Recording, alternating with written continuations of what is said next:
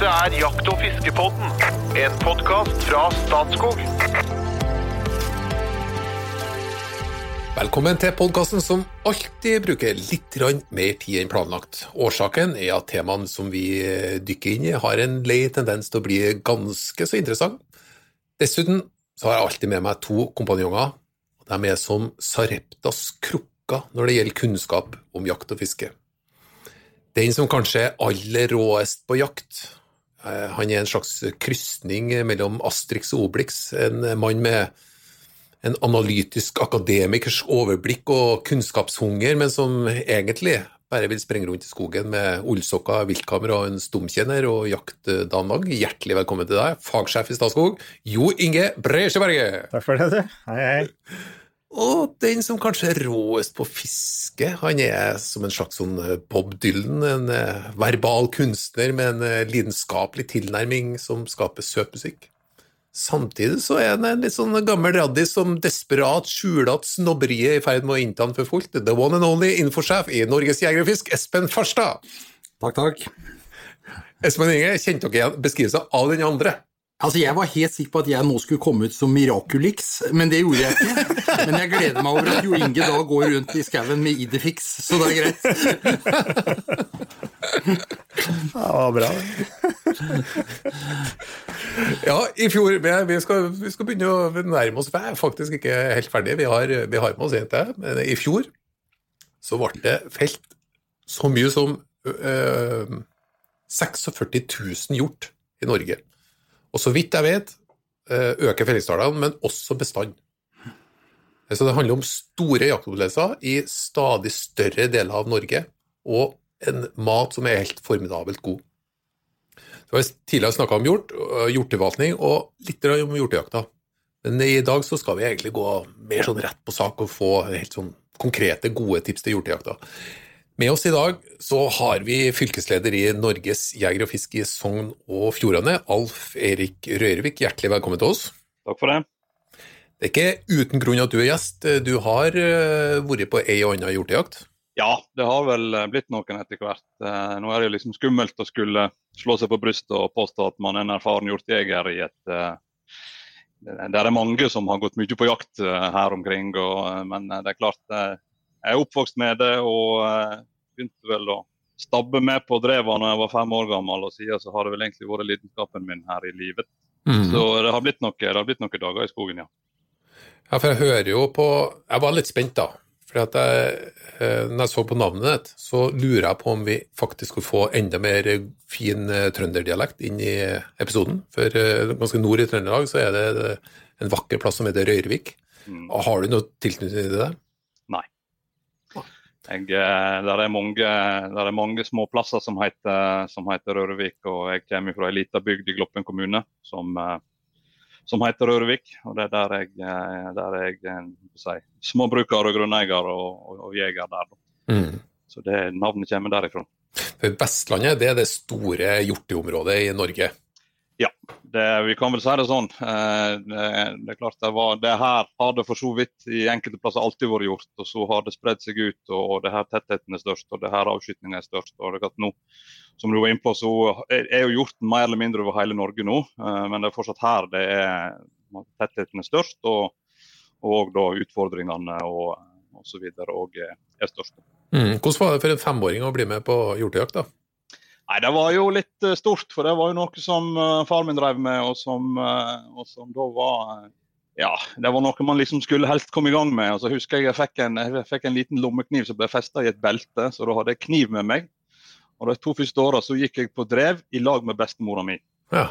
Eh, Så da var vi da et tospann på, på for vi, vi driver veldig sånn eh, eh, Den kulturen vi har med det er drivjakt. da. Da møtes vi det liksom, møtes lørdagene, og så, og så eh, setter vi ut ei postrekke, og så går vi faste, faste drev. da. Og Der er det god, god anledning for å ha med da jegere uten våpen, både unge og, og voksne. Så, eh, og, eh, så driver vi da mot, mot, mot postene som tradisjonell drivjakt. Og, og så etter hvert, når man ble eldre, så ble man med i på en måte større og større del av, av terrenget. da. Og fra jeg var vel en åtte år, så eh, da var jeg med overalt. Og da jeg var ti, så fikk vi første hunden. Så da ble vi et tospann. Da gikk jeg med hund. Eh, Hund, Hvilken hund snakker vi om da? Nei, det er grå elghund som, som far min alltid har hatt, og som jeg er oppvokst med. Og så har jeg vel eh, sjøl etter hvert meldt overgang til den svarte. Så eh, jeg har da svart hund nå. Og siden har det bare balla på seg? Det har vel det. Ja, ja, ja. Men eh, ja, ok, driver du med annen jakt òg? Ja, eh, altså, men det, det er storviltjakt som blir prioritert nå. Eh, jeg har vel allerede vært en snartur til Skjåk eh, etter reinen der. eh, og så er det hjortejakta nå. Og så Når den 25.9 kommer, så er vi jo så heldige en gjeng at vi har fått låne et, eh, eller et av Jo Inge oppe i Nordland. Så da skal vi opp dit og på elgjakt. Så vi har hatt et terreng oppe i Grane der i eh, nå er det vel åttende året. Og så må jeg en liten tur til Levanger etter rådyr eh, når det nærmer seg jul. Så det er storvilt som blir prioritert. Ja. Eh, litt småvilt òg, men eh, det, storvilt er større, lettere å treffe, står lett, oftere i ro og mer kjøtt på. Og kontrollspørsmål, hvor mange frysere har du? To. To, ja. Blir bare småtteri det, Jo Inge. Ja. Jeg burde kjøpe en til, jeg nå. ja. Jo Inge har fem, Ja. men i tillegg så har han lagt eh, venner og bekjente, da. Så, men det glemmer han delvis av. Men hva er det med hjortejakt som, eh, som, som er så bra, da? Ja, det er på en måte vanskelig å svare på, for den har alltid vært der. Og, og vet at høsten kommer, det, er- det er liksom årets høydepunkt. Eh, men det er klart, du har, det er så variert. Eh, det er klart, Nå starter vi 1.9, og da, står hjorten høyt. Og så er det oppe i høgda, og det er jo av og til nesten på grensen til reinsjakt. Du sitter oppe i over skoggrensa på poster der i godvær og nesten soler deg. Og så eh, kommer du lenger utover på høsten, så eh, er det kanskje mer ned i, mer ned i liene. og Av og til jakt med hund, av og til smygjakt, av og til drivjakt. Eh, sporsnøjakt. Og så kommer en måneskinnsperiode, så da får du oppleve den, eh, de magiske måneskinnsnettene og ligge på dyrka mark og se og håpe at det kommer noe. Og, eh, og helt til fram under jul og disse her eh, der du i, eh, kan i adventstida kan rusle deg. Det er korte dager, men du kan ta deg noen små turer ut i lag med en liten gjeng. og Kombinere gjerne litt poster og smyg og, og, og, og ha gode opplevelser kan du si, helt fram gjennom hele høsten i alle typer terreng. Og, eh, ja, så jeg, jeg, jeg tror kanskje den variasjonen og den Og så er det lett tilgjengelig, selvfølgelig. Du bor midt oppi det. Og Mm. det, er, det er lett å komme seg ut, og, og du har et stort nettverk, hvor du kan du går på mange forskjellige terreng. Iallfall jeg er heldig å, å, å ha tilgang på flere eh, gjennom slekt og venner. Og, og for å prøve veldig variert jakt på, på hjort. Så du, du er med liksom hele sesongen. Eh, Det, dere to andre dere er på, dere er på jordtrakt hvert år, eller? Espen og Jo Inge? Ja, jeg er på hjortejakt hvert år, men jeg er jo blir jo invitert opp en helg. øh, Og nå skal jeg lure meg bort til øh, Alf Erik øh, litt bortafor han der og, og, og prøve meg på så, Men, men det, det blir jo en helt annen greie, fordi vi kommer jo som gjester inn og skal prøve å oppleve noe intenst over en kort periode og reise igjen. Vi har jo ikke Jeg regner med at du, Alf Erik, har omtrent oversikt over hvor mange hjort som er i området ditt gjennom året. At du følger med mer enn bare jaktsesongen også, ikke sant? Ja. Det får jo ikke vi gjort. Nei. Så det, er jo, det blir jo ikke helt sammenlignbart, egentlig. Hvor Nå er du på jordklart, du har Jo Inge? jeg har vært, det er jo på Vestlandet, det òg. Men eh, nå sprer jo, sprer jo hjorten seg over, over Langfjella, da, og eh, kommer jo helt ned på Finnskogen. Så vi skuter jo hjort her jeg bor her nå, i ulveland. Det er jo områder her som, som begynner å få en etablert stamme, og i Østerdalen er det områder som faktisk ganske bra med hjort. Og de skuter snart like mye hjort som elg. Så at den kommer jo her òg, og da er det litt lettere tilgjengelig, da. Men eh, det er jo det, er- det, er ikke, det er jo ikke de tettheter som det er på Vestlandet, selvfølgelig. Skal vi prøve et lite regnestykke. Hvor mye Hvor mange middager blir det av 46 000 hjort? Noen som har regna på det? Ja, vi, vi har vel regna på at det er 22 millioner middager som vi tar ut av hjortevilt i Norge. Det har jo faktisk regna på. Men oi, så har jo gjort den en rimelig andel av det, da. noen millioner, da. Ja, det er det. Ja, ja. 4% av norske kjøttmiddager er vilt. Hos Nei, og, og en noen litt mer, da. Ja. Hos noen er litt mer, ja, jo, Inge, jeg har mer, hørt ja. rykter om det. Det er ujevnt fordelt. Litt ujevnt fordelt. Ja, ja, ja. Heldigvis. Jeg har jo eh, et godt og nært forhold til tvangstankene mine, så jeg har jo eh, alltid behov for å sette folk i bås, det har vi vært inne på tidligere, men jeg har også ordnung moss sein. Og jeg tenkte at eh, nå skal vi ha ikke seks tips eller tolv tips eller tre tips, det skal være ti tips. Enten fem tips eller ti tips, og i dag går vi rett og slett for ti tips. Og så tenker jeg at eh, det er mange hjortejegere og noen som er frista av hjortejakt, som har lyst til å ha en sånn konkret veiledning, nærmest. Ti tips til hjortejakta. Er dere klar for å bidra med det? Ja, ja. Jeg tror kanskje at det er greit at uh, vestlendingen begynner. Alf Erik, vær så god. Ja, nei, jeg- Espen var jo egentlig inne på det med, med de mulighetene du har hvis du bor tett på det terrenget du skal, du skal jakte. Eh, Det å komme seg ut eh, om sommeren eh, i god tid før jakta begynner, gjøre det kjent i terrenget. Eh, se etter spor, se etter hvor den trekkveiene går. Eh, Selv så syns jeg det er veldig fint å gå turer på sommeren litt på- ut på ettermiddag kveld. Ha med kikkerten, finne en plass der jeg har litt oversikt. og Setter du deg ned med en kikkert litt opp, opp mot fjellet og kikere, så, så får du etter hvert se en del hjort. Da begynner de å beite, og da avslører de litt hva de holder seg hen. Og det å gjøre seg kjent i terrenget. Gjøre seg kjent med, med, med ja, og, og begynne egentlig allerede planlegging av jakta der, da. Men det, det krever jo det at, eh, at man, man har tilgang til terrenget. Men eh, det er klart, hvis du vet hvilket terreng du skal leie, så kan du jo det går jo an å legge en, en, en ferietur eh, til området og, og, og bruke da, noen dager på forhånd i Hva er viktige ting du ser etter, da?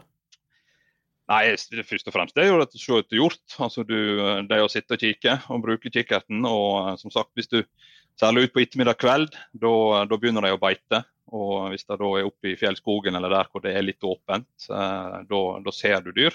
Du får tid til å studere hvilken type dyr det er. Og så er det jo òg å se på trekkveier. Du ser på sånne badegroper. Eh, vi har det vi kaller brunstgroper, men de bruker jo badegroper hele sommeren for å både kjøle seg ned og, og, og bli kvitt insekter og sånt. Og så da, da får du et, et greit um, bilde på hvor hen er det dyra holder seg henne, og, og, og kan begynne å tenke hvordan du skal legge opp jakta. Uh, du må for eksempel, Skal du ha en posta postrekke, så bør ikke du legge den for tett på der dyra oppholder seg, for da har du egentlig støkt dem før, uh, før du kommer på plass. Så uh, Mm. sånne ting, da. Og eh, ja, gjøre seg kjent i, i terrenget før, på forhånd. Viktigste verktøyet ditt da, det blir vel en kikkert? Det er en god håndkikkert. Ja. Og ikke minst en avstandskikkert. Ja, det er klart. Altså det, å ha litt begrep om hvor lange, hvor lange hold der er, og det er jo også sånn som å, å ha med en liten avstandsmåler eller ha det i kikkerten din. Sånn at du Mm. når du kommer på post og setter deg eh, det kommer jo når jakta kommer i gang, og det å kunne måle opp noen avstander på forhånd før eh, dyra begynner å dukke opp, sånn at du, du vet Mm. litt hva du har å forholde deg til der. Nei, da, vi har snakka en del om avstandskikkert og hvor, hvor viktig instrumentet er. Eh, hva er, hva er en god kikkert? Kan du bare ta den du har i skapet, eller eh, Jeg har vel en hva er eh, en god kikkert? Ja, altså, det er god kikkert. Det, det er den eh, det er den, den, den, den du har råd til, egentlig. Da. Men eh, nei, min, jeg har en size på til 10 til 10 ganger 42. Ja. Det, var heldig på Finn. Eh, det er jo Mm. kostbare greier, men eh, du kan gjøre noen kupp på Finn. altså. Så, Mhm. så den har vært en eh, trofast nå i noen, i noen år, både på hjort og, og reinsjakt. Mm. Gjør seg kjent i terrenget, visste om det er gjort der, og hvordan den oppfører seg. Ja. Og egentlig så Det er jo spennende i seg sjøl å observere dyr.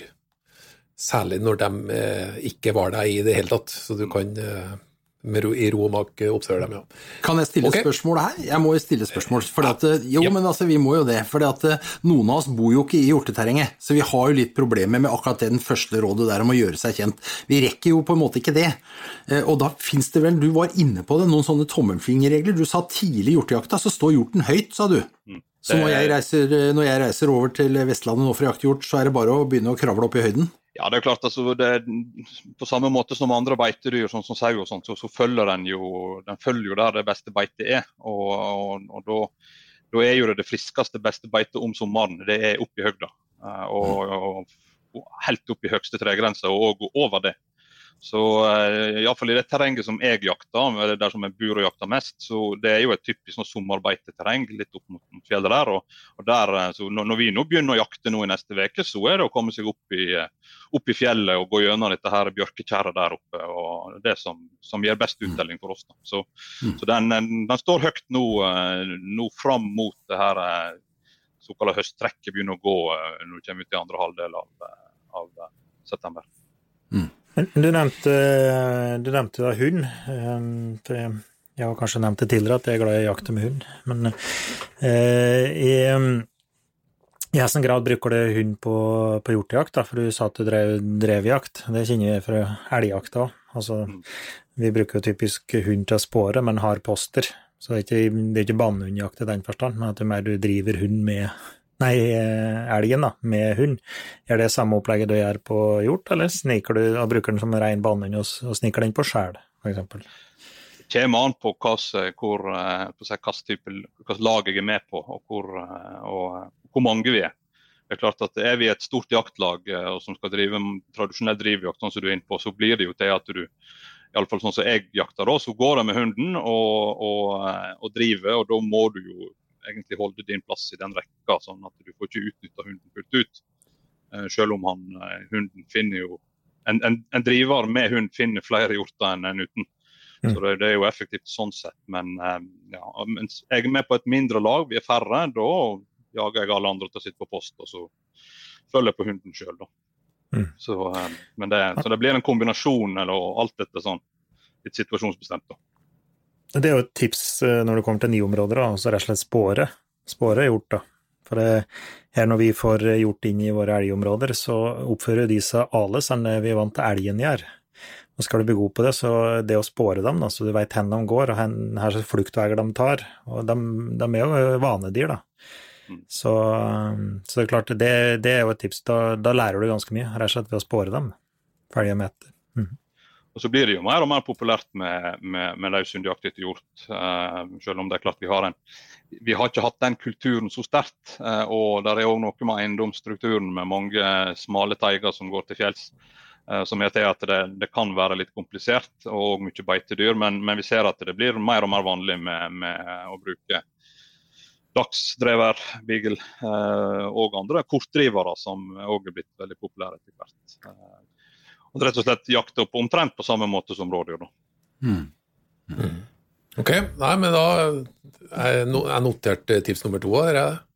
Spor, spor hjorten. Du Espen, du driver ikke med noe mye sporing, men du er kanskje med? Pleier du å være med hund når du jakter? Han, altså jeg er så heldig at jeg blir plassert på post. Jeg har etter hvert skjønt at uh, alle som driver hjortejakt, syns jo ikke det morsomste er å sitte på post, men at det er vel så moro å gå og drive. Det, det, det, skjønte jo ikke jeg før det var gått mange år. Jeg tenkte at de var bare veldig høflige mot oss, men de, jeg sitter på post, da. Men, uh, men uh, han som leder driverne hos oss når vi jakter opp på Nordmøre, det, han bruker svart bannhund. Og det er jo total radiostillhet under hjortejakt, men han prater litt når han går, og han er veldig flink flink til å fortelle hva som skjer med bikkja. Nå tar bikkja over', nå, nå, ser det ut som det er noe altså han, han leser jo bikkja når han går, og så formidler han det til oss. Det bidrar jo til å gjøre jakta veldig mye mer spennende. Veldig mye mer spennende. Var det et tips, eller vil du gi et annet tips på post nå? Har, har du noe på, fra posten? Ja, altså, det, noe som faller meg naturlig, er jo å sitte helt stille.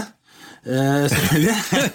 Nei, men det, det, det, er jo slik. Altså, man må bare sitte klin dønn stille, og det, det, gjør man jo. Altså, man investerer jo så mye eh, når man reiser over til Vestlandet på hjortejakt, og så klyver opp disse her umenneskelige liene, og, og, omsider kommer deg på posten, setter deg, så skal du jo ikke sitte der og, og, og sjekke VG på telefonen. Altså. Da, du, da, er du 100% konsentrert om det du driver med, rett og slett.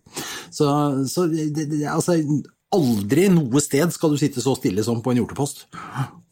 Mm. Ok, eh, kan jeg spørre, hva er Skiller hjorten seg ut på noen måte på sansene? Er den ekstra god på synet, eller på lukta, eller på Ja, må du være ekstra Er den ekstra var? Jeg tror altså Sanseapparatet til f.eks. en elg er vel uh, fullt på høgde, men uh, der er jo jeg tror nok hjorten er, litt mer eh, på en måte var med at den er raskere til å endre vanene sine og bli uforutsigbar.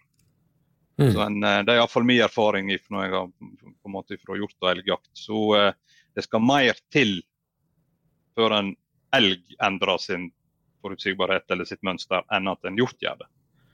Sånn at du, men, men begge, og det er klart du blir jo òg imponert over, over sansene til, til en elg òg, så jeg tror ikke det at de er, er dårligere. Men eh, det har noe med at eh, hjorten blir mer uforutsigbar. Iallfall når han blir Mm. når han aner at her er det et eller annet trøbbel. Mm. Han er kjappere til å omstille seg, da, hjorten. Den eh, elgen der. Den er liksom kjappere i vendinga.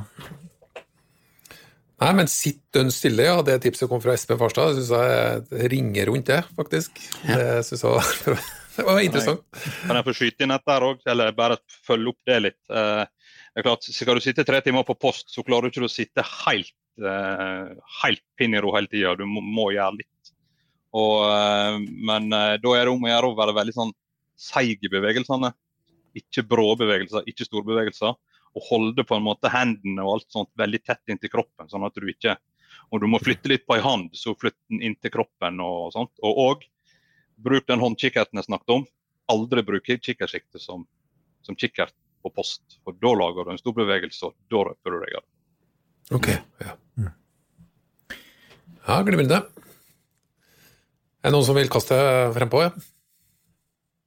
Tja, eh, apropos det med rolig, da, så er det jo De har jo et sanseapparat som er i, er i aller høyeste grad i alarmberedskap, så det er klart det, det, er, jo, det er jo samme da, lyd, lukt og, og Altså at du ikke skal eh, verken vindsette, vedsette eller, eller stekke den med lyd, da. Så det er klart du må jo Du må ta hensyn til vind, selvfølgelig, gå, helst da gå mot vind. altså Du må ikke værsette terrenget. og Hvis du kan komme deg opp, så er det jo en fordel å sitte høyere eh, i terrenget enn hjorten. da. Altså det, det vil alltid være en fordel å komme over, da, så du får vitringa over. Og samtidig er det med klærne at ikke de eh, lager lyder.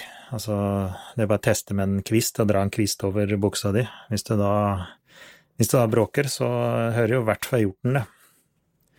Og klart det På Vestlandet så har du litt annet klima enn det jeg er vant til. Så jeg har gått over til å bruke vemmel, da. Og det er liksom gamlemetoden, og det fungerer. Det er stille. Flis og vemmel. Men eh, det fungerer ikke i regnvær på Vestlandet, nødvendigvis. Nei. Vi må jo ofte ha, ha på seg flere sett med klær. Og eh, det som Jo Inge sier, så er det, er det, er det klart fint vær og, og, og lytt i terrenget. Da, da må du ha lydløse, mjuke klær som ikke lager lyd verken mot gnifsinga mot klær eller, eller mot skog. Mens de gangene det virkelig pissregner, da er ikke det så nøye. Og Da er det så mye bråk i skogen likevel, så da kan du, kan du mer ta på deg en ganske stiv og uh, Gore-Tex-dress. Og om den er litt bråkete, så er ikke det så viktig. da. Mm. Men dere er jo så, såpass kjent i terrenget, og du, du har sjekka på forhånd uh, og vet trekker vi han til, til hjorten. Prøver du da å legge ruta til post sånn at du ikke krysser, krysser der, der dere forventer hjorten kommer? Ja, ja. Du, Ja. ja. den det er en hellig regel at du, når du skal på vei på post, så må ikke du, du må ikke du må ikke legge ei rute der hjorten skal krysse ditt spor på en måte på vei til den posten. Så eh, da, da bråstopper han og eh, tverrsnur, som regel. Mm. Den, eh, den må man passe på at man òg finner sånn skjult inngang til posten på en måte. At du, at du går i skjul og at du at vinden, som Jo Inge var inne på, at den ikke veier støkket det at du ikke veier støkket det terrenget der hjorten skal komme ifra. Så Vinden er, er, er alfa og omega. Og eh, Hvis jeg kan bare hoppe rett videre til et tips igjen her nå, så er det med å, med å sjekke vinden. Um, jeg begynner dagen før eller flere dager før å sjekke yr, hvilken vindretning er forventa, og så planlegger jakta ut ifra det. Eh, og Så må du sjekke om morgenen når du står opp, er den fortsatt sånn som den er meldt, eller må vi snu det her. Og så må du rett og slett eh, altså, Det er vinden som bestemmer hvordan du jakter. Eh, hvis du reiser ut og så legger en plan og så skal du si at du skal ta et drev eh, vestover, og så kommer du så merker du at da har vinden, eh, vinden snudd, så må du snu det drevet om du skal ha eh, noe særlig håp. altså. Mm. Så du må legge opp jakta etter vinden, og ikke, og, og, og ikke motsatt, for å si det sånn. Eh, og Mm. og sjekk, sjekk vind ofte. Kan hende du er nødt til å flytte en post eller sette ned en ekstra bakpost eller et eller annet hvis vinden plutselig har, har forandret seg. Så du må være forberedt på å forandre den planen. da. Og de treffer dette er- bra på yr, da, med vindretning. Så den herskende vindretningen, den treffer de jo på. Men det er vanskelig. så må de jo, må de jo tilpasse seg etter det, da. Ja, men, men min uh, lille erfaring med dette er jo at uh, langs bratte vestlandslier så får du ofte litt sånn uh, vindkast og, og snurringer, og det er, ikke, det er ikke så rett fram som det høres ut som, det der, der altså. Nei, det er klart, da er det jo den lokalkunnskapen som vi lokale Mm. Er heldige å ha, da, som da vil virke inn. Hvis du vet at, eh, at der og der på sånn vindretning så kommer vinden den og den veien. Så eh, det ja. Men så har du òg noen triks, f.eks. Altså langs ei elv. For eksempel. Hvis du skal poste der, så vil der være mer stødig. F.eks. stødig vind nedover. Eh, er du på toppen av ei li og det er meldt fint vær, så vil vindtrekket der sikkert komme oppover pga. at den blir varm, og lufta blir varma opp. og sånne, sånne, sånne triks du kan bruke. Da. Mm. Og så er det klart, eh, hjortevilta vil jo helst gå mot vind, da, og ha vind på skrå i det minste. På det, I den grad vi skal gå med hund, så vil jo hundefører i all hovedsak ha vind imot. Altså at hund, hund skal en få været av det dyret, så må den gå mot vind. Og klart, da er det, er det fort gjort at postrekka sitter med vind i ryggen. Så du må ta hensyn til det med postrekka, da. Sant? At seg etter minst mulig før hjorten er på høll. Eh, apropos post og, og plassering, er det, brukes det ofte tårn her? Det, det varierer. Eh, det kommer an på noen plasser så ja, de legger de store forberedelser og, og, og bygger tårn. Og vi har òg eh, kjøpt sånne stiger gjerne, som vi setter opp for å, for, for å få overhøyde. Det har litt med den vindtrekket at du kommer opp, så, opp i høyda, så er det mindre sjanse for å på en måte verdsette. Eh, men òg for å få gode skuddsituasjoner og bakgrunn eh, og sånt. Og, det at det står det et tårn eller en stige, så vet du at den som blir sendt dit, setter seg på rett plass. Eh, er- og ikke setter seg feil, for å si det sånn. da. Så vi, vi Mm. bruker en, en, en del, og det blir mer og mer vanlig, vil jeg påstå, at folk tar seg den, den jobben med å bygge seg jakttårn og stiger og sånt og setter ut i terrenget på forhånd.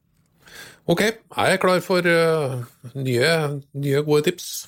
Jeg har, et, ja, jeg har et lite tips, men jeg er litt spent på hvordan Alf Erik vil ta imot det, men jeg prøver allikevel. Eh, kan være lurt å bruke WeHunt. Altså, det er en app som, som, eh, hvor du kan legge inn terrenget, eh, og hvor du kan se de andre jegerne live, hvor de er. Og også bikkje, hvis du bruker bikkje. Men kanskje først og fremst det. Det var litt sånn i forhold til det du sa om at eh, man kommer inn og setter seg i et jakttårn, så vet man at man er på riktig plass. Her kan man jo legge inn alle postene på forhånd. Og da også har du liksom på en måte full kontroll på at folk sitter på riktig sted. Du ser når folk er kommet på post. Eh, Driverne veit at alle er framme. Eh, Og det er et sikkerhetsaspekt ved det som er ganske ålreit også, for du har kontroll på hvor alle er. Så jeg syns egentlig det er en veldig bra greie. Nå går den på telefondekning, så du er jo avhengig av dekning i terrenget, men, men eh, ja, vi har brukt en god del på rådyrjakt og, og litt på hjortejakt, og jeg syns det er veldig ålreit eh, hjelpemiddel. Uten at du skal bli sittende og se på telefonen. Du trenger ikke bruke den, liksom, du bruker den for å komme på plass, og så kan du legge bort, liksom. Hva sier du, Alf Erik? Er det, er det fy-fy? Nei da, jeg bruker den sjøl, jeg. Eh, og det er klart den, det er jo òg med sikkerhetsaspektet òg i det. At da, da har du kontroll på hva folk er henne, og du vet når driverrekke f.eks. nærmer seg en post. Og, eh, og til og planlegging og, og ja. Så eh, nei, den er veldig nyttig hjelpemiddel, men eh, det må brukes med fornuft. Jeg har sjøl uh, brukt en del, og, og av og til så føler jeg at jeg blir gående og med trynet litt for mye ned i skjermen. og Mm. glemmer litt å følge med på det som er rundt meg. Så eh, det må brukes med, med, med fornuft. Men riktig brukt så er det, er det et, eh, et godt hjelpemiddel. Mm. Og Det samme med, som Espen også nevnte i stad, jaktradio. og uh, Han sa at på Nordmøre var det absolutt radiotaushet når, når drevet går. Og Der har vi opplevd ganske mye rart. Eh, noen er flinke til at du, det er gode rutiner på at du, du kun bruker jaktradio til det mest nødvendige. Det er klart eh, du må gi beskjed hvis det blir felt dyr. Det har, med, det har jo med kvoter og sånt å gjøre. Og, og hvis det er, er, er dyr som er skadeskutt og sånt. Det har jo òg med å gi beskjed når man er klar og når ting starter. Men uh, der er noen overdriver nok den bruken. Uh, dette her med litt vitsing og tøysing i, i driverekka og sånt, det, det, blir fort travelt å høre på. Og uh, det er også, altså Selv om du har øreplugg, så hører en hjort den, særlig den nøklinga idet du trykker på knappen og idet du slipper knappen, den nøklinga som kommer da, den det har vi sett flere ganger at den, den hører de på 100 meters hold, altså, hvis du, mm. Hvis du er uheldig der. Så begrens jaktradiobruk til det absolutt nødvendige og andre tekniske hjelpemidler. Mm. Du Jo Inge, kan jeg spørre WeHunt på deg òg? Er det noe som er brukt hos deg? Eh, jeg inn, ja, jeg har WeHunt, men jeg må innrømme at jeg ikke bruker det. Det mm. går i all hovedsak på at jeg jakter mest eh, som rådyr, sammen med en kompis som gjør så drille at eh, det er typisk en som går med hund og en som forposterer og det, så jeg veit hele tida hvor han er, han med tenner. Så da er ikke behovet nødvendigvis så stort. Og på elgjakta så kjører vi poster, og så går jeg i drevet, for eksempel, og, driver elg fram til en postrekke. Da vet jeg òg hvor posta er. Jeg har gjort dette her i 50 år, liksom. Så, det, så jeg bruker ikke vidhunt til vanlig, nei, men jeg, jeg er jo på jakter der vi bruker vidhunt. Så jeg har den, jeg òg. Mm. Og det er jo et mm. kjempeverktøy, faktisk. Det er det. Og det er kanskje mer det du gjør med folk du ikke kjenner, for meg, da, med folk jeg ikke kjenner og ikke jakter og ikke er så drillig med hele tida, som de, de faste. Da, da jeg bruker det stort sett, da. Mm. Mm. Har, du, har, du, et tips med samme du er godt i gang her nå? ja, jeg tenkte jeg skulle sperre Alf Erik, da, for jeg, jeg, hører jo på det du driver i jakter, så er det jo all hovedsak en reflejeger, slik jeg forstår det. Og det er klart, vi har jo pratet om både ettersøk, og vi har pratet om elg og hjort og rådyr og færre, men eh, jeg, jeg, merker jo at er ferskvare at jeg må trene en del med refla for å, å være komfortabel. Og klart, hjorten er han er jo lettere til bands enn rådyret, nei, enn elgen der, og plutselig kan dukke opp nærmest på post, mm. og gå stillere, og den, og den er jo kjappere, så at han det er å stille litt større krav til, til skytteren, mener jeg, da, enn eh, vanlig tradisjonell elgjakt, når de kommer i fint trav eller i ganske rolig gange. Eh, så jeg, så jeg trener en del med RefRef, er å være bygd på det. Jeg tenkte jeg skulle høre med deg, da. Du, du bruker litt tid på det, du òg? Å bli kjent med refla og, og være komfortabel da, med skuter på forskjellige hold?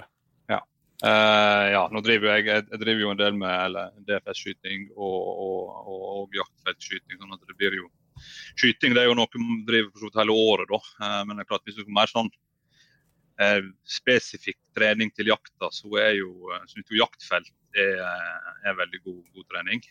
både stemmende, men òg altså, Har du en skytebane og kjøper noen blinker, så du, kan du fint lage en sånn treningsløype og det med å trene på ulike stillinger og ulike eh, avstander. Um, og trene variert. Og det som du sier, altså, Hjorten er han, han, Plutselig så står han der, og plutselig er han vekke. Mm. Så ikke det at du nødvendigvis skal kunne ta krevende skudd som liksom løpende og sånne ting, men det at du klarer å være rask til å utnytte en situasjon, utnytte en god skuddsjanse når han er der, og være rask mm. nok til det. Og Det krever at, at, at det som altså, våpenhåndtering sitter i fingrene. Og at du, mm. så det, det, krever mengdetrening med skyting. At det, at du, det er muskelminne? Ja, egentlig. og Du skal, du skal mm. kunne håndtere våpenet ditt og, og, være rask og få det i stilling. Og egentlig og skyte litt sånn på instinkt uten å tenke deg om. Uh, selvfølgelig skal du gjøre vurderinger, og sånt, men altså, etter hvert så kommer jo det mer i, i ryggmargen. og At du, du, får bruke tankevirksomheten til å vurdere skuddsjansen, og ikke til å, å, tenke at nå skal jeg sikte, og nå skal jeg løse sikring, og nå skal jeg trykke av. Og, sånn at, at, det skjer litt på, på automatikk. og Det, det, krever, det krever, mengdetrening, rett og slett. Så, uh, ja. Og så òg det med som sagt, trene variert. Uh, og altså, disse jegerne som, eller en, en del som da i et normalår, da, når de skal ta skyteprøver, og så har de da 30 skudd eh, pluss 5 liggende på magen på 100 meter på en skytebane, så er det et forferdelig spinkelt eh, treningsgrunnlag når du kommer i skogen, når du skal sitte, skyte sittende, du skal kanskje skyte knestående hvis det og, og, eh, ja, stående, det er jo det hender jo det òg på korte hold, på, særlig på drev da, eller på smyg, at du skyter stående. Og Det er sånn som òg må trenes på. At du trener sånn som du skal jakte. Mm. Eh, og at du ikke prøver på noe i skogen som du ikke har trent på på forhånd. Men Det gjelder også særlig på avstand. så det er klart Hvis du kun har skutt på 100 meter, så bør du ikke strekke holdet til 170 på jakt. Mm. Men apropos smyg, går du noen gang på hjortejakt alene? Ja, litt. Uh, det er klart det. liksom i ukedager og, og, og, litt sånt, og så gå enten gå på smyg med hunden eller, eller sette seg ut på post på et trekk eller litt på bøen og sånt. sånn at det, det, det blir nok mest på, med, i lag med andre, ja. På jaktlag fra 2-3 til uh, 14-15. Mm. Nå har jeg sånn at nå har jeg kommet til åtte. Og tips nummer ti skal jeg la Alf Erik få fylle med akkurat så mye han vil. Så nå har jeg en ledig plass på nummer ni. Eh, Espen eller Jo Inge. Vær så god. Jeg må, altså 55% av hjortene skytes på bøen. Eh, og det har vi ikke snakka noen ting om. Eh, for det, så det, det, er viktig, det, er en viktig del av hjortejakta, dette òg. Så jeg tenker at, eh, at, eh, Kan du si litt om det, Alf Erik? Altså, hva, hva, krever dette av deg som hjortejeger å, å, være en god bøjeger? For det, det, skal jo eh, Det blir jo ofte liksom snakka om som liksom, ja, det er enklere, det morsomme er å være på drivjakt, og det er jo det som er utfordrende og sånn, men altså, du, du, skal jo like fordømt ta livet av et dyr på en skikkelig måte og alt dette her. Kan du si noe om det? Ja, det som sier, så er det iallfall her på, på, på våre kanter her, så så blir og kanskje over halvparten, eller ja, 55 eller, eller der omkring, blir jo dette jo på dyrka mark. Eh, og Da er det jo òg i, i eh, som regel da i dårligere lysforhold enn en vanlig dagslys. Det kan være kveld, det kan være morgen, det kan være måneskinn. Um, og det setter jo litt sånn Du får litt andre typer utfordringer og, og, ting du må passe på enn, en på dagjakt uh, i, i, skogen. Uh, en ting er det med, Vi har snakka om avstand. Uh, det er klart uh, Dyrkamark, eller bøer som vi kaller det, de kan være ganske store. Og det å, å, ha kontroll på avstandene, kanskje måle opp på forhånd, så du vet liksom hva, hvor langt er det dit og dit, og, og, og vite litt hva du har å forholde deg til der. Um, har gjerne nok litt forberedte stillinger eller poster. Vi har jo en del eh, sånn, eh, sett opp sånn skytehytter, og da, jo, da, sitter du jo på en måte både tørt og fint og skjult. Da. Eh, og, og, kan ha forberedt der med, med, med oppmålte avstander osv. Eh, så er det litt dette her med å, å kjenne begrensningene og, og, og, kunne være litt konservativ der. F.eks. i måneskinn, f.eks. om kvelden. Altså, om kvelden det blir mørkere og mørkere, og så tar det en stund før dyra kommer ned på. og så, og så eh, er det egentlig litt grenseland på om du bør skyte eller ikke. Men så har du gjerne en veldig dyr og god optikk som mange har i dag, og det, det kan være et ganske klart bilde i et kikkersikte. Mm. Og så klarer du hvis du setter et skudd, men så hvis du da eh, prøver å se på uten kikkersikte, så ser ikke du en tøyt. Så det, det, det, er å være litt eh, konservativ og, og, og, holde igjen når det begynner å bli litt sånn Ikke strekke strikken der. Eh, men ellers så er bøjakt eh, en, en veldig både effektiv og, og, kan være en veldig spennende jaktform. Eh, ja, en god på en måte innfallsport for, for mange ungjegere. fordi du, det, er lett å drive det som, som litt introjakt, opplæringsjakt og sånne ting. Og, og, du får rolige, som regel rolige skuddsituasjoner, dyr som går i ro og beiter. Og og vi vet jo, undersøkelser, Bedre jaktundersøkelser viser jo det at skadeskytingsfrekvensen er lavere på, på, på bøjakt enn, enn, på dagjakt i skogen. Så det er absolutt, og, og, det er lettere å ta ut de rette dyra, eh, altså forvaltningsmessig. Og det å kunne plukke ut ungdyr, kalv, dyr som skal helst skal takes ut. Da. Så, eh, mm. ja. For det, det, tenkte jeg skulle spørre deg om. Eh, for, jeg er jo ikke, jeg er jo ikke kjent med hjortejakta slik, da, at vi jakter på bøn her. Jeg jakter, men da det var på en måte det jeg hadde tenkt å spørre om, da, om du, bruker det som et forvaltningsverktøy for å ta ut kalver og ungdyr, men nå sa du det, da. For jeg ser jo at det blir gjort litt forskjellig, men det er klart, det har du en enda bedre sjanse til når du er med på bøen og går rolig og beiter, og du kan studere dem og så få ta rett kjønn og alder, da, ikke sant, kontra at de skal komme i, fart og så dukke opp i, i skogen eller i, i heia, i lia. Ja, både det at du tar ut de rette dyra på kjønn og alder, men òg det her med beiteskader. Nå har ikke vi snakka om det, men det er klart det er jo en utfordring mange plasser og et stort press på, på, på, på dyrka mark, og særlig den beste marka er jo den som hjorten liker best òg. Og, og, når du da tar ut dyr på bøjakt, så tar du òg ut de dyra. Da vet du at du tar ut de dyra som da faktisk gjør skade på, på dyrka mark. Sånn at det, det, er godt, det, er et veldig godt forvaltningsverktøy. Det er det. Og det, det, er vel ett element, jeg er litt usikker på om du sa det i stad men uh, Espen har jo snakka om det tidligere. Uh, for han trives egentlig best på rådyrjakt om morgenen uh, i stedet for på kvelden, fordi at hvis det skulle skje noe på kvelden, et ettersøk er, da har du, du har mye, mye, større anledning til å gjennomføre et godt ettersøk på kvelden enn hvis du står der i bekmørket med, med god optikk, og så er du usikker da. Og det skjer, skjer skadeskyting. Så det er jo et ekstra element. da. Ja. ja. På morgenen, ja. Du sa kallen, men på morgenen, ja. At du får lyset. Sa jeg feil? Ja, men det går bra. Vi skjønte hva du mente. Mm. ja, det, er, det, er, et godt poeng. og Jeg driver jo òg med, med ettersøk og er med i den. Vi har jo Eh, vi har jo stort sett sånn her eh, ettersøksringer eller ettersøkslag i hver kommune, og, og, jeg er med på den her i kommunen. Og, og, det er klart det er et lettere utgangspunkt eh, å, å, få starte et, et ettersøk eh, om morgenen og ha dagen med lys foran deg enn enn en på kvelden. Det er absolutt. Sånn at den er, den er å foretrekke, selv om det er litt mer travelt å stå opp tidlig enn det er å stå mm. sent. Altså, ikke for å moralisere heller, men det er klart eh, har, Vi har bra optikk, og du kan, kan se Du ser jo det lenger enn du gjør med det blotte øyet, så vi får jo noen minutter ekstra der. Men eh, det er faktisk krav til oss at vi skal kunne klare å gjennomføre et ettersøk. Det er jo det er en grunn til at ikke vi har regler med hvor lenge vi kan jakte, at det er opp til hver enkelt. Altså, Reiser til Sverige og Danmark, så får ikke de lov til å jakte etter solnedgang, f.eks. Og, og, det er jo for at det er et frihet under ansvar, men du skal kunne gjennomføre et ettersøk.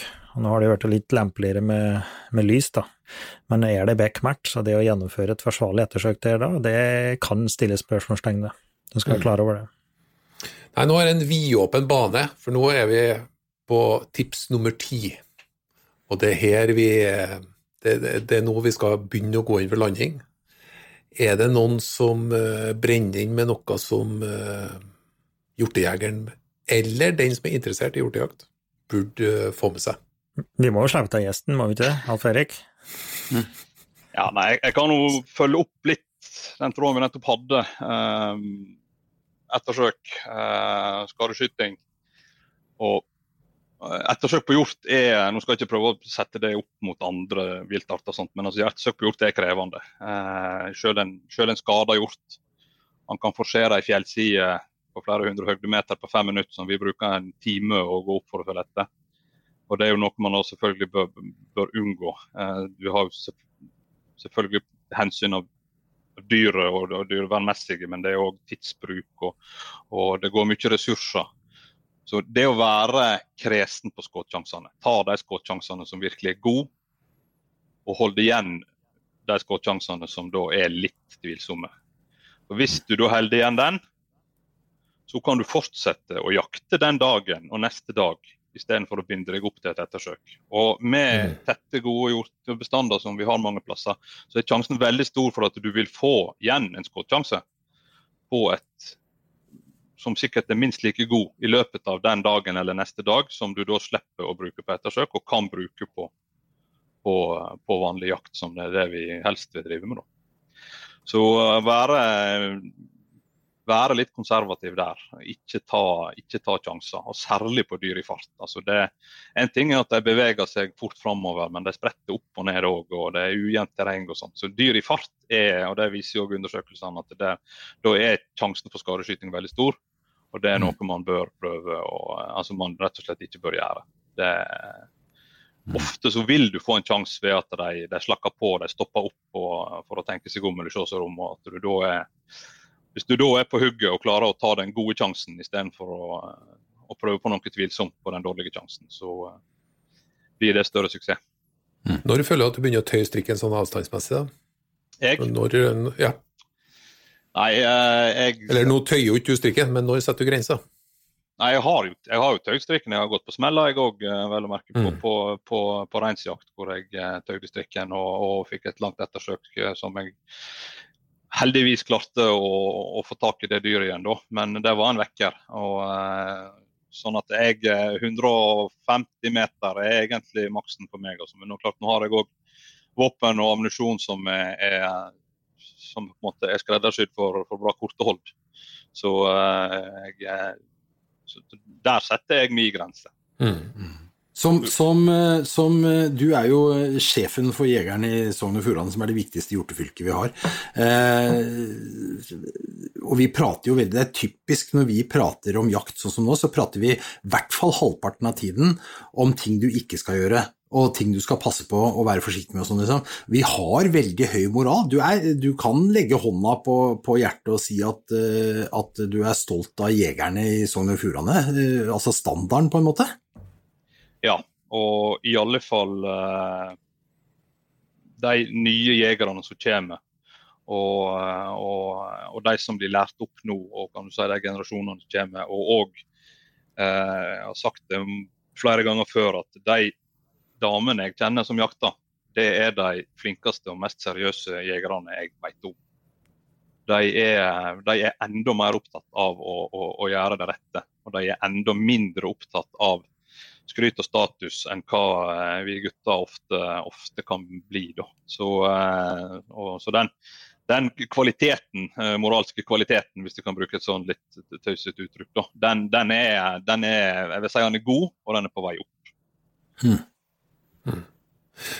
Jeg skal, jeg skal, tillate et tips nummer 11, fordi at, fordi at jeg skal nok en gang legge ballen på straffemerket til en Espen. Hvis jeg er en eh, person som eh, ikke har prøvd meg på hjortejakt, men jeg kan godt tenke meg å egentlig få veiledning til å komme i gang, mm. hva i all verden skal jeg gjøre da? Skal du ringe til Alf Eirik? Nei, det, det skal jeg Nei, vi har, jo, vi, vi har, jo, systemer for dette i Jeger og Fisk. Eh, vi prøver jo å være involverende og åpne og inkluderende. Eh, vi vil jo ha med så mange som mulig, så vi har jo etablert et system med disse introjaktene våre. Da. Så hvis du går inn på njodff.no, altså våre hjemmesider, eh, og, og, og søker fram introjakt der, så vil du få på en kalender med ikke mindre enn 450 tilbud om introjakter. og mange av av dem er også hjortejakter på Vestlandet. Så da er det våre kompetente folk i foreningene som stiller opp og veileder og leier deg ut i skogen, rett og slett, og, og sørger for at du får en trygg og god førsteopplevelse på hjortejakt. Så det er, det er, et veldig, veldig bra system og tiltak som vi bare kan anbefale. Og så blir det jo neste steg, da, å, å finne seg et eh, terreng å jakte i, eller eh, kanskje hvis du er heldig, et jaktlag du kan få være med. Men mm. eh, mitt inntrykk er jo at hvis du, er, eh, hvis du, tør å spørre, så får du veldig ofte ja, altså. Du får veldig ofte ja. Mm. For sikkerhets skyld, jeg er usikker. Eh, jo Inge, har Statskog i hele tatt tilbud om hjortejakt? Ja, vi har det, men i veldig liten grad. Vi har jo nesten ikke hatt eiendommer på, på, vest, vi har en eiendom på Møre, da. Og så er det som bifangst, altså at det er tillegg til elg eh, sørover og, og østover. Mm. Mm. Så enten må vi komme til hjorten, eller så må hjorten komme til oss. Ja. ja vi får se da, hva som skjer mm -hmm. først. Eh, nå, Dette eh, syns jeg var, her var rett og slett breddfullt av gode tips. Eh, jeg var veldig imponert over eh, kunnskapsnivået og, og, lidenskapen jeg hører du har til Alf Erik. Eh, men nå kommer jo selvfølgelig snart den uh, ultimate testen som alle gjester skal gjennom. Gjestene pleier å gjøre det bedre enn Ja, kjempebra. Men eh, kjære lytter, takk for at du var med oss. Eh, følg oss gjerne på Facebook og Instagram. Vi har en del konkurranser der der man ender opp med ei T-skjorte. Det skal du òg få, Alf Eirik, hvis du sender meg adresse og størrelse. Eh, T-skjorte som det er få forunt å ha. Så du blir en eksklusiv klubb. Vi har den, gjestene våre har den, og noen lyttere har den. Bidra også gjerne til å vise noen hvordan man kommer seg inn på podkasten vår. For det er mange som uh, kunne tenkt seg inn, men som er usikre på hvordan man rent teknisk gjør det. Men før vi nå forlater lytternes ører, så skal vi ha en runde med hot or not. Er dere klare? Ja. ja. ja. ja. Det er da sånn at uh, vi skal ha en rekkefølge. Uh, den som er først, det er en Espen. Ja, naturlig. Den, ja. nummer to, Alf Erik. Ja. Og nummer tre, Jo Inge. Ja. Er du klar? Ja visst. Kjempebra. Jakt på nøtteskriket, hot or not? Hot. Not. Hot. Ja, bra. Fjellrevfòring, hot or not? Hot. Hot. Hot. Ja. Nå er jeg litt spent, for så vidt. Blyforbud, hot or not? Nei, det klarer jeg ikke. Det er ikke noe enkelt svar på det. Er det noen som eh, tør, eller? Jeg kan vel si not. Å, det er det! Nå ble jeg utrolig flau, men nå skal jeg gjøre det enkelt til slutt, for jeg legger bestandig inn en som alle sammen syns er, er hot. Avskjedsalbumet til Prudence, det legendariske albumet Takk til dere fra 1975. Hot or not? Hot. Not. Not. Ja, det er altså hot fordi det var avskjedsalbumet, så da slipper du å høre mye til dem. Espen! Espen, Espen!